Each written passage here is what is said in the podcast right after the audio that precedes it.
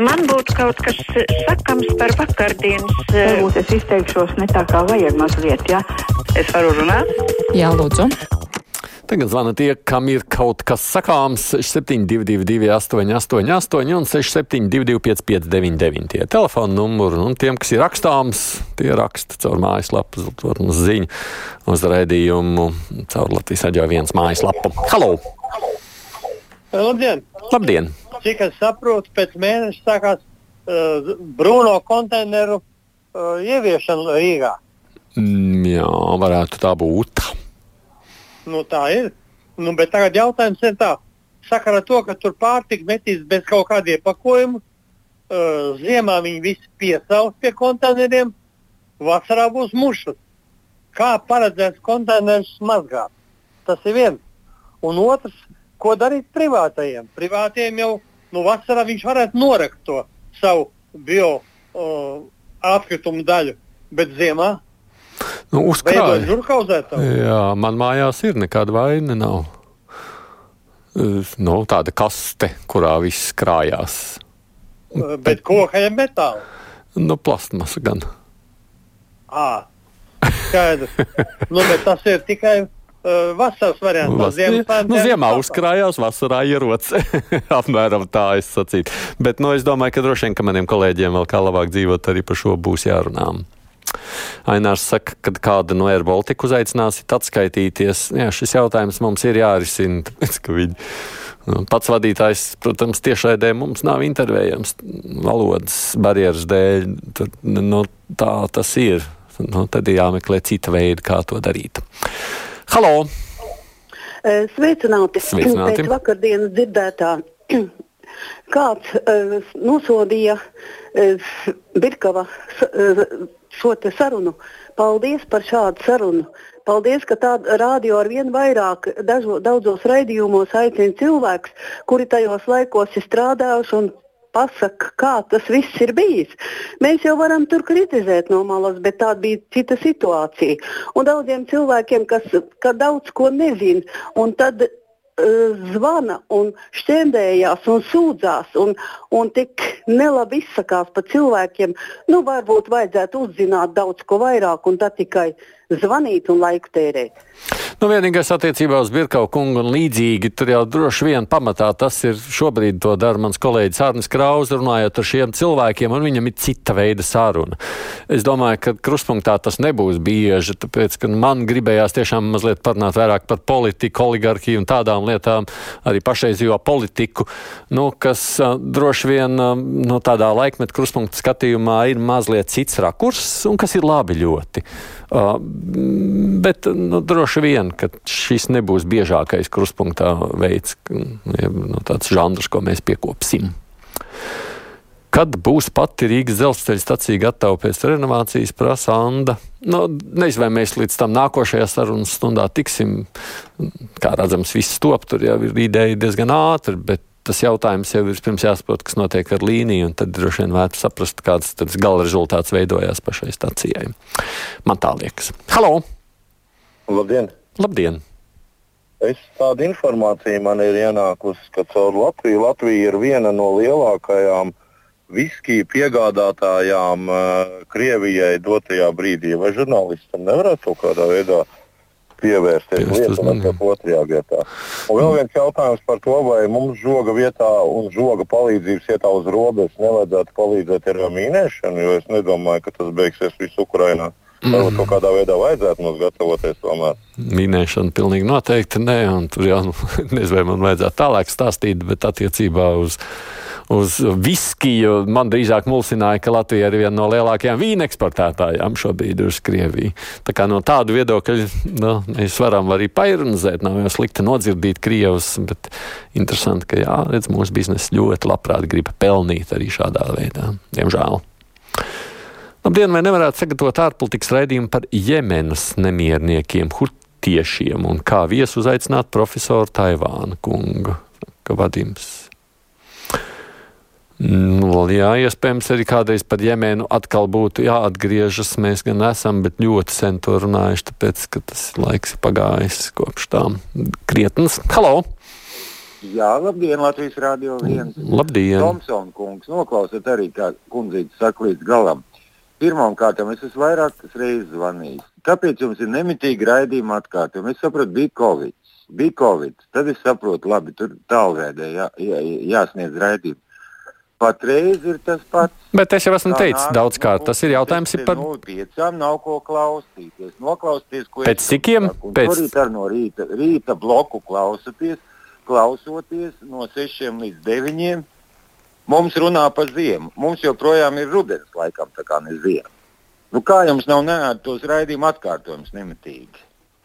Bet nu, nu, nav pēc pieciem raidījuma atkārtojumiem. Var jau būt, ka jūs nemākat klausīties Latvijas radio viens. Es nezinu, varbūt jūs kādā citā programmā trāpāties. Nu, Latvijas radio raidījums viens parādās pēc pusdien astoņiem atkārtojumiem, nevis pēc pieciem.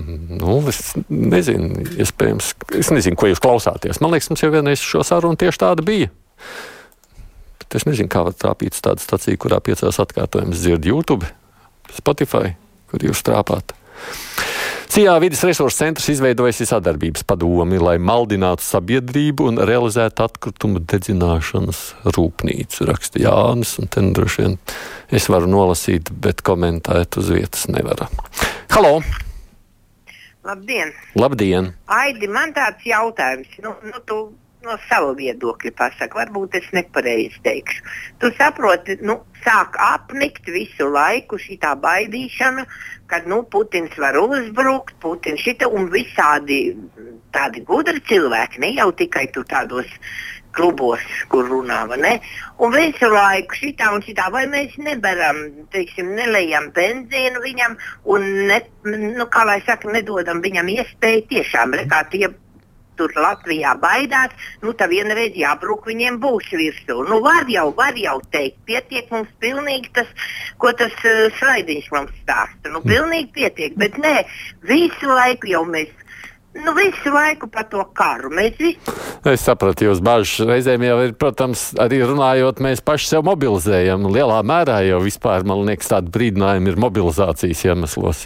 Tas tāpat kā, kā bērniem vienmēr draud nopērt, bet parasti jau neper vai ne, vai kaut kādā veidā sodīt, bet rati bieži arī to neizdara. Te būs aiziet uz diskusiju, cik tas ir pareizi vai nepareizi. Bet, nu, es domāju, ka nekas jau lāgi skatoties uz austrumu kaimiņu nav, un tāpēc tā gatavošanās ir svarīga.